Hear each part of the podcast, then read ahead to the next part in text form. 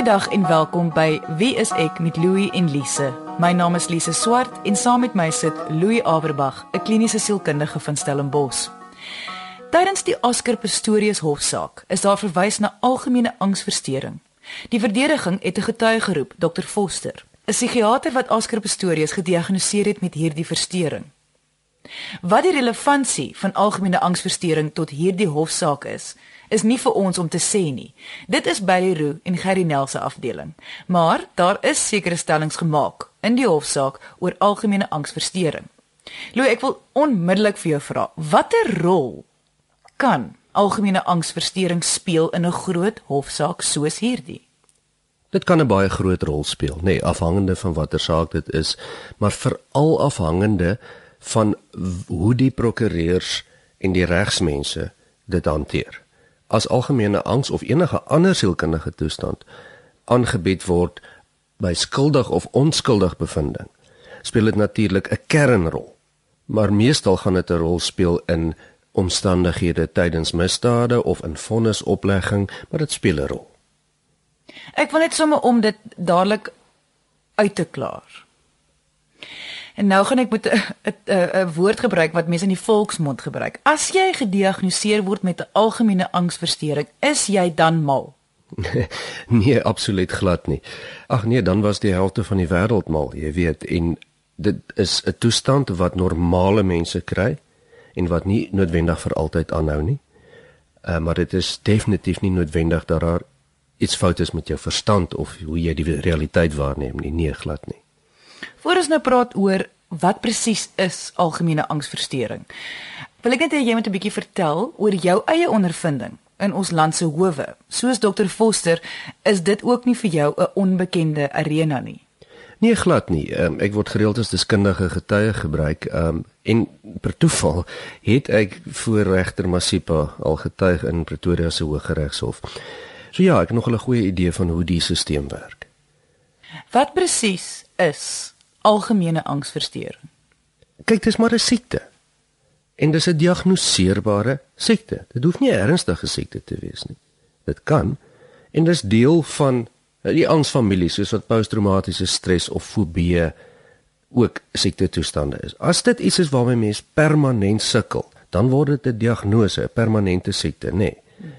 Ehm, um, maar meeste van ons het simptome van algemene angs. Ons almal ken dit, daai hol gevoel op die maag en die afwagting en die bietjie paniek wat jy kan ervaar of baie paniek. Ons almal weet wat is algemene angs. 'n Algemene angsversteuring is maar net 'n permanente toestand vir daardie tydperk waarvoor daar nie 'n spesifieke rede is, nou net iets spesifieks gebeur nie, soos met 'n posttraumatiese stres nie. In die saak het dokter Foster gesê, die psigiater, dat sy vermoed hy het sy algemene angs al op 11 maande ontwikkel en dat dit nou so deur sy lewe maar net geeskaleer het. Ek wil net weet is dit moontlik om op 11 maande, jy is nog nie eens 'n jaar oud nie, kan jy al dit ontwikkel? Ja, dit is heeltemal moontlik. En hoe jonger mens is, hoe makliker is dit om die fondasies te lê vir iets soos 'n algemene angsversteuring of net die geneigtheid tot algemene angs. Die rede daarvoor is dat kinders tussen 0 en 7 nie baie logika het nie. Hulle verstand is nog nie mooi ontwikkel nie om die monster in die kas te kan wegredeneer of die bekommernis oor die donker kan wegredeneer nie. Daar's nie logika nie. So ja, dit is baie moontlik. So wat jy sê is as gevolg van die feit dat hulle nog nie heeltemal logika het nie, kan hulle meer angstig wees of die angs kan daar bly. Ja, mens leer amper makliker aan as kind dat ek konstant bekommerd moet wees oor die lewe rondom my as wat jy dit as volwassene aanleer, want dan het jy meer verstand om daarteen te stry. Jy was nie net gereeld 'n getuie in die hof nie, maar jy werk ook met professionele sportmense. Jy was sielkundige by die Blou Bulle vir 'n paar jaar en het tans 'n paar professionele atlete wie jy sien. Die rede hoekom ek nou jou CV eh, uitwys is om te vra om op die professionele vlak deel te neem as atleet soos wat Oscar Pistorius was sou hy tog 'n sielkundige in sy span gehad het sy span nou soos nou sy sê fisio en sy afrigter en so hy sou tog 'n sportsielkundige gehad het So as hy 'n algemene angsversteuring toe al gehad het soos wat dokter Foster voorstel. Hoekom het niemand dit toe al raak gesien nie? Kyk, ek kan nie regtig daaroor iets sê nie. Ek weet nie. Dit sou spekulasie wees. Ek ken nie uh vir Oscar nie. Ek ken nie sy spanmense nie. Ek kan regtig maar nie daaroor uitlaat nie. Maar wat ek wel kan sê uit my eie ervaring uit is dat sielkundiges wat werk in 'n sportarea fokus op prestasieverbetering. Sportsielkunde het niks met terapeutiese of kliniese sielkunde te doen nie. Dit gaan oor die verbetering van prestasie in die spesifieke omstandighede dan waar 'n kliënt kom en sê luister ek wil my prestasie verbeter dan is dit waarop ons fokus. Jy luister na wie is ek met Louie en Lise op RSG 100 tot 104 FM een van die stellings wat nogal baie op die sosiale media voorgekom het eh, nadat uitgekom het dat uh, hy gediagnoseer is met algemene angsversteuring is dat die psigiater Dr Foster het hom net twee keer gesien voor sy in die hof getuig het. En meeste mense voel maar is dit genoeg om 'n diagnose te kan maak? Ja, ek kan dink dat dit miskien gaan snaaks klink, nê. Nee. Maar nee, dis mos ons werk. Jy weet, en ek sou absoluut aanneem dat twee keer se konsultasie beteken ook 'n hele paar uur per keer. Dit sou standaard wees. Vir sielkundiges wat forensiese evaluerings doen vir die hof is dit baie algemeen om so twee keer. Dis ons werk, ons moet dit kan doen in daardie tydperk. Maar mens fokus daarom ook nou spesifiek en kyk na spesifieke omstandighede. Dit behoort genoeg tyd te wees. Waar pas die veg of vlugstelling in? Sy het gesê hy het 'n algemene angsversteuring diagnose en wanneer hy onder druk is, dan gaan hy meer geneig wees om die vegreaksie te hê as die vlugreaksie. Ons almal weet dat ons lywe gerad is om in 'n veg of vlug reaksie in te gaan. Ons almal ken dit. Ons weet hoe dit voel. As jy konstant in gereedheid is vir veg of vlug, dan het jy 'n algemene angsversteuring. Dit is so eenvoudig soos dit. Ek maak dit nou maklik, maar dit is mens kan dit verstaan. En as mens se liggaam dan reageer, dan gaan jy een van twee goed doen. Of jy gaan veg of jy gaan vlug. Soos ek dan dokter Foster se getuienis verstaan, sê sy dat dit Oscar se geaardheid is of dat hy die tipe persoon is wat eerder in 'n vegreaksie sal ingaan as hy onder bedreiging kom as wat in 'n vlugreaksie sal ingaan. En dit maak sin want mense verskil op hierdie ding. Party mense reageer anders op stres. En dit is baie uniek en baie individueel en dit hang van verskeie baie faktore af. So wat jy sê is die veg of vlugreaksie is amper soos 'n simptoom in elk geval van algemene angsversteuring. Dat dit deel is van die toestand al klaar. Dis net dat hy neig meer na die een. Dis reg, ja. As mens aan algemene angsversteuring ly, is jy amper heeltyd reg om te veg of te vlug. Hoe gaan jy weet wat se ene is jy dan wat wat se reaksie gaan meer joune wees? Dit het baie te doen met wie jy is. En jy kan ook sommer vir jouself dophou oor die afgelope 5 na 10 jaar. Wat doen jy meestal as jy onder druk kom? Veg jy of vlug jy? Of as iemand jou skrik maak, spring jy bo op die persoon of hol jy weg? Jy weet, dit beteken nie die een is dapper en die een is lafhartig nie. Dit beteken net daai onmiddellike reaksie wat jou lyf jou laat doen en wat jy aangeleer het deur die jare en wat jou persoonlikheid vir jou sê wat deur die jare ontwikkel het. Dit's baie faktore. Die nuusbreek dat Oscar Pistorius gediagnoseer is met algemene angs, was die breë publiek se reaksie vir my nogal interessant. Daai Twitter boodskappe onder aan die TV-skerm. Sekere mense het vrae gehad oor die implikasies of simpatiek gereageer. Maar die tweet wat my opgeval het was het ons almal nie maar een of ander sielkundige verstoring nie. Die verskil lê in die grade. Dis tog sielkunde 101. Ja, mens moet maar versigtig wees met uitsprake, nê. Nee. Ehm um, dis beslis nie waar dat ons almal een of ander sielkundige verstoring het nie. Dis ook nie 'n skande om 'n sielkundige verstoring te hê nie, soos ons gesê het. Dit is maar net 'n toestand wat vir 'n tydperk voorkom. Beteken nie daar's iets fout met jou nie.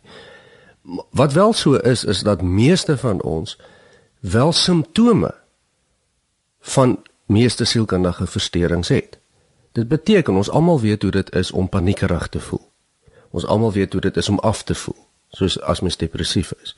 Ons almal weet hoe dit is om uh dalk paranoïed te voel. Maar ons voel nie konstant so nie.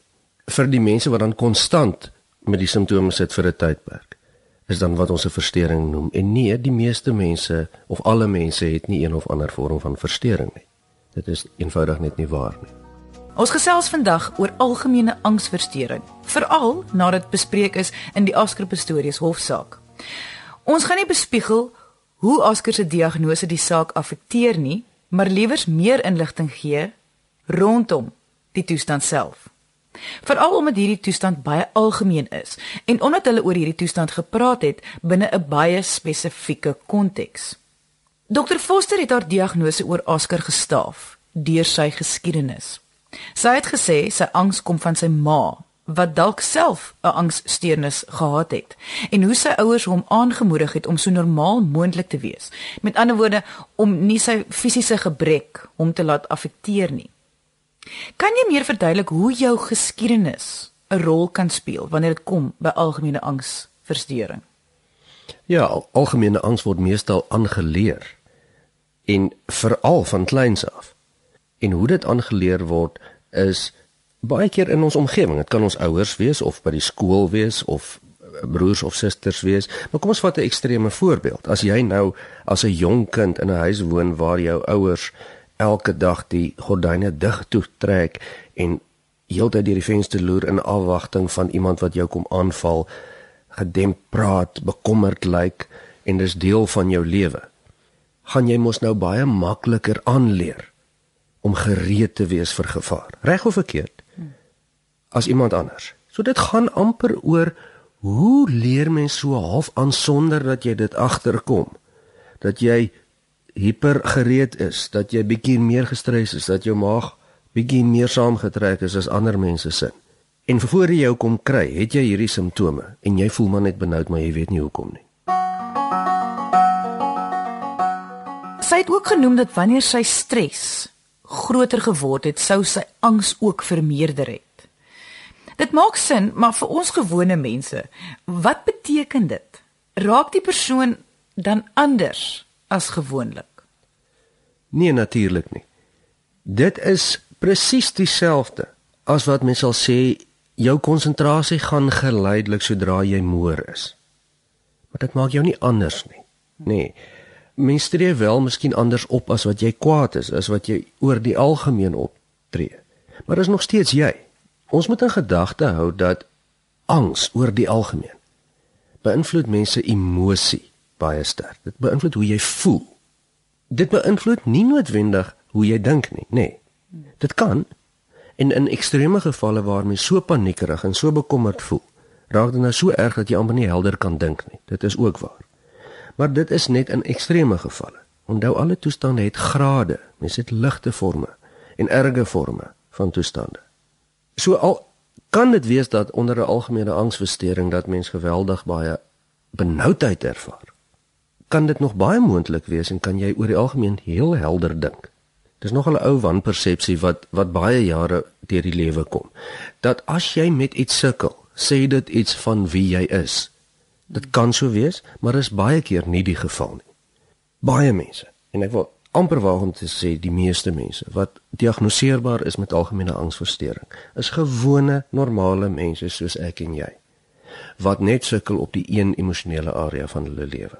Dis soos ons altyd sê, dit dit gaan nie oor wie jy is nie, dit gaan oor wat jy het, waarmee jy gediagnoseer is. Dit is iets wat op jou kom lê. Dit is nie niks met te doen met wie jy is nie. Ja, veral in die geval van angsversteurings. Dis regtig 'n toestand van buite af wat op jou kom spring. Jy kan dit lank daarmee sukkel, kort daarmee sukkel, maar dit is nie regtig deel van jouself nie. Daar is baie klem gelê in die hofsaak op die verstaan van die woord verstoring, soos hulle nou in die Engels gesê het disorder.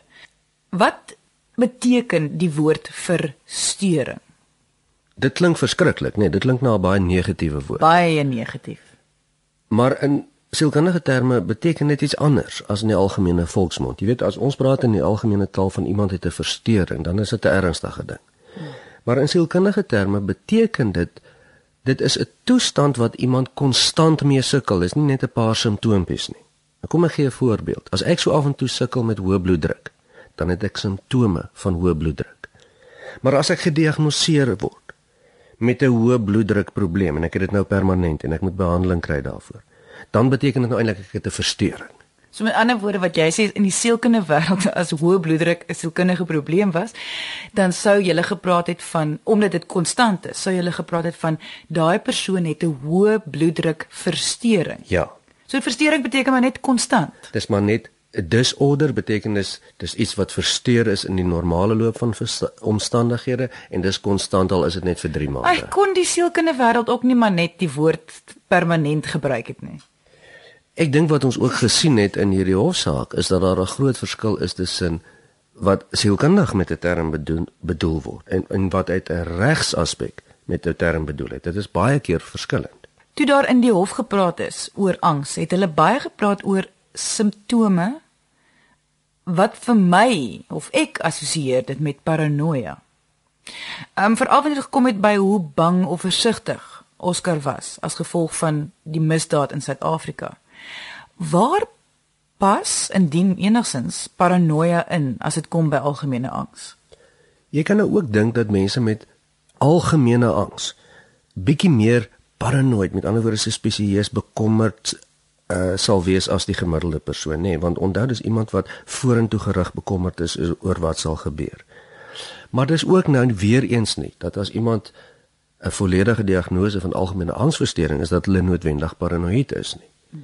Dit is so dat in erge geval dat in erge gevalle van algemene angsversteuring kan mense baie keer baie paranoïed raak, selfs psigoties word, bietjie kontak met realiteit verbreek vanweë die angs en die paniek.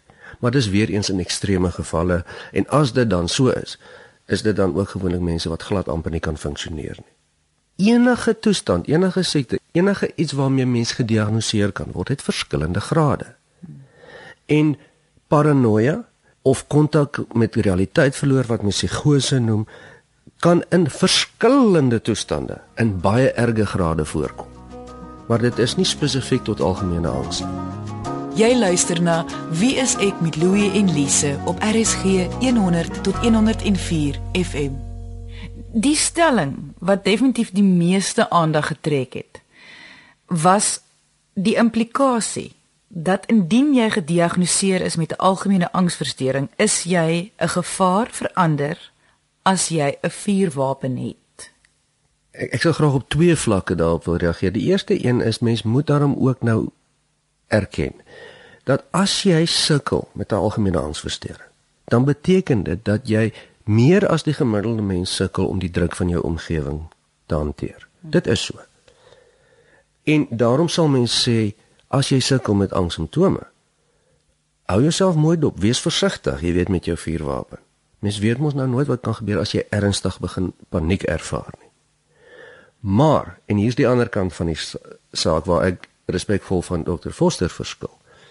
Mens kan eenvoudig net nie sê dat as jy algemene angsversteuring het, behoort jy nie 'n vuurwapen te hê nie. Daar's te veel faktore wat hier 'n rol speel. Ek ken 'n hele paar mense persoonlik wat regtig gediagnoseer is met 'n algemene angsversteuring. Wat ek enige tyd 'n vuurwapen sal gee, want ek vertrou hulle oordeel. Dit is nie regtig dieselfde ding nie. So wat jy eintlik sê is dit is maar soos eintlik of wie of enige iemand 'n vuurwapen mag hê of nie. Dit hang van die individu af. Dis nie die diagnose van algemene angsversteuring wat dit gaan besluit nie. Nee, dit sal vir mens 'n vraag laat, dit is so, maar dit gaan beslis nie die antwoord net so eenvoudig gee nie, nee. Ek sou gedink dat dat in sekere gevalle indien jy 'n algemene angsversteuring het, gaan jy beter met 'n vuurwapen werk want jy gaan altyd angstig wees oor die toekoms, want dit is tog maar wat die versteuring ook is, is dat jy's gerig op die toekoms. So as jy dan die die die die die weet dat jy hierdie diagnose verstaan wat die diagnose is, gaan jy mos meer geneig wees om veiliger met 'n vuurwapen om te gaan. Absoluut en hier kan ons dalk ook weer terugkom na die veg of die vlugreaksie toe. As jy dalk meer geneig is tot die vlugreaksie toe, behoort jy heel veilig te wees met 'n vuurwapen. Nou wil ek net ook uh, aggressie. Daar's ook genoem uh, dat jy kan dalk meer aggressief wees. Nee wat? Ag, daar's heeltemal te veel ander faktore, jy weet. Ek kan verstaan dat mense die goed wil koppel. Iemand wat nou tens is en baie gespanne is of dis die algemene 'n persepsie hiervan. uh is sommer nou aggressief ook. Maar dit is totaal nie so nie. Dis amper op dieselfde vlak om te sê iemand wat 'n longontsteking het is aggressiewe mens ook. Die goed het nie noodwendig verband met mekaar nie. En dis ook hoekom ons vandag die episode doen, want oor daai spesifieke konteks van die Oscar Pistorius hofsaak. Nou praat hulle oor algemene angsversteuring en omdat dit so groot platform is, luister mense daarna en dink dit dit is nou relevant of wat hulle sê oor die versteurings is relevant op almal wat die diagnose kry. En daar's daar so half iets ook te sê vir hierdie is 'n baie spesifieke konteks. Dis baie spesifieke omstandighede. Ja, dis nie algemene omstandighede nie. Hmm. Dr. Foster het ook genoem dat hy het die angsversteuring 10-10-1 nou sy hele lewe gehad, maar dit het nou oorgegaan na depressie. Wat bedoel sy daarmee dat nou oorgegaan na depressie? Dit word oor die algemeen aanvaar in die in die in die sielkundige wêreld dat angs en depressie baie naby aan mekaar lê. Die een vreet jou battery weg, dis nou die angs, en die depressie is dan wat oor is as daar nie meer krag is nie. Nou, dit sou sin maak, jy weet, gewoonlik as angs vir alles het gediagnoseer is vir 'n lang tyd per voorkom, dan lei dit tot depressie. O, so as jy nie na jou angs omsien nie of goed genoeg bestuur nie, kan dit lei tot depressie. Ja, en eh, meer as wat dit nie, hoor. Ek sê nie by almal nie, maar dit is baie algemeen dat konstante angs lei na 'n diagnose van depressie toe. Net vir interessantheidshalwe, as jy nou soos in Oscar se geval. Hier is 'n man, hy is gediagnoseer met algemene angsstoornis, versteuring wat nou al oorgegaan het na depressie. Gaan mens die depressie behandel of gaan jy die algemene angs behandel? Ja, dis 'n baie goeie vraag, nê? Nee? Maar weet jy en, en ek is jammer dat ek nie regtig daarop kan antwoord nie want ek kan nie dit gaan weer eens so afhang van 'n persoon en die individuele omstandighede en die faktore. Mense is eenvoudig te individueel en te verskillend. Daar is ook genoem dat die een van die redes hoekom niemand dalk ooit agtergekom het hy het algemene angs nie is as gevolg van sy streng rotine omdat hy professionele atleet is dat die dat die rotine die angs onder beheer kon gehou het. Nou wil ek by jou weet as jy gediagnoseer is met 'n algemene angs steurnis eh, is rotine goed of is rotine sleg? Ek wil dit onmiddellik weer antwoord en maar ek sal daarom nou graag wil staaf deur te sê dit hang van persoon tot persoon af. Maar ek wil daarom nou 'n voorbeeld gee. Ehm um, Dink gou mooi, as mens sukkel met angstigheid, jy's paniekerig. Dit beteken mens het nie beheer nie. Om rotine na te volg kan 'n baie goeie ding wees. Dit gee mense 'n gevoel van beheer, dit laat jou ontspan want jy is meer in beheer van jou omgewing. Nee, dit kan 'n baie goeie ding wees, maar dan weet ons ook dat een van die ekstreme forme van angsversteurings is obsessiewe kompulsiewe versteurings. En dis nou weer te veel van 'n rotine. En waar dit dan so raak dat die rotine nie meer veilige hawe is as 'n bestuursding vir jou angs nie. Raak dit nou obsessie en dit raak die nuwe angs. Goed, so dit is eintlik so half belangrik dat jy moet weet of dit vir jou goed is of nie. Ja, so dit hang verskriklik af van wie jy is. Wat jou voorkeur is, wat jou persoonlikhede is, hoe jy dink, hoe jy optree oor die algemeen. Of rotine vir jou gaan goed wees of negatief wees as jy sukkel met algemene angs. Meestal is rotine eintlik dan 'n goeie ding, maar dit gaan oor hoeveel rotine. Ek dink die belangrikste punt wat ons vandag maak is dat jy nie noodwendig 'n gevaar vir ander is net omdat jy met 'n algemene angsversteuring gediagnoseer is nie. Dit is 'n baie algemene toestand. Die grootste gevaar wanneer dit kom by algemene angs is dat as jy dit nie reg bestuur nie, kan dit oorgaan na depressie. So ons moet pas op dat dit wat ons in die hofsaak gesien het oor algemene angs nie die algemene persepsie raak nie. Net hierdie is 'n saak met baie spesifieke omstandighede. Ons is aan die einde van vandag se episode. Indien jy enige vrae het oor algemene angsversteuring, of enige ander onderwerp, kan jy ons kontak deur ons webwerf wieisek.co.za. Daar is ook meer leesstof oor hierdie verstoring of jy kan ons kontak deur ons Facebookblad onder wieisek met Louie en Lise.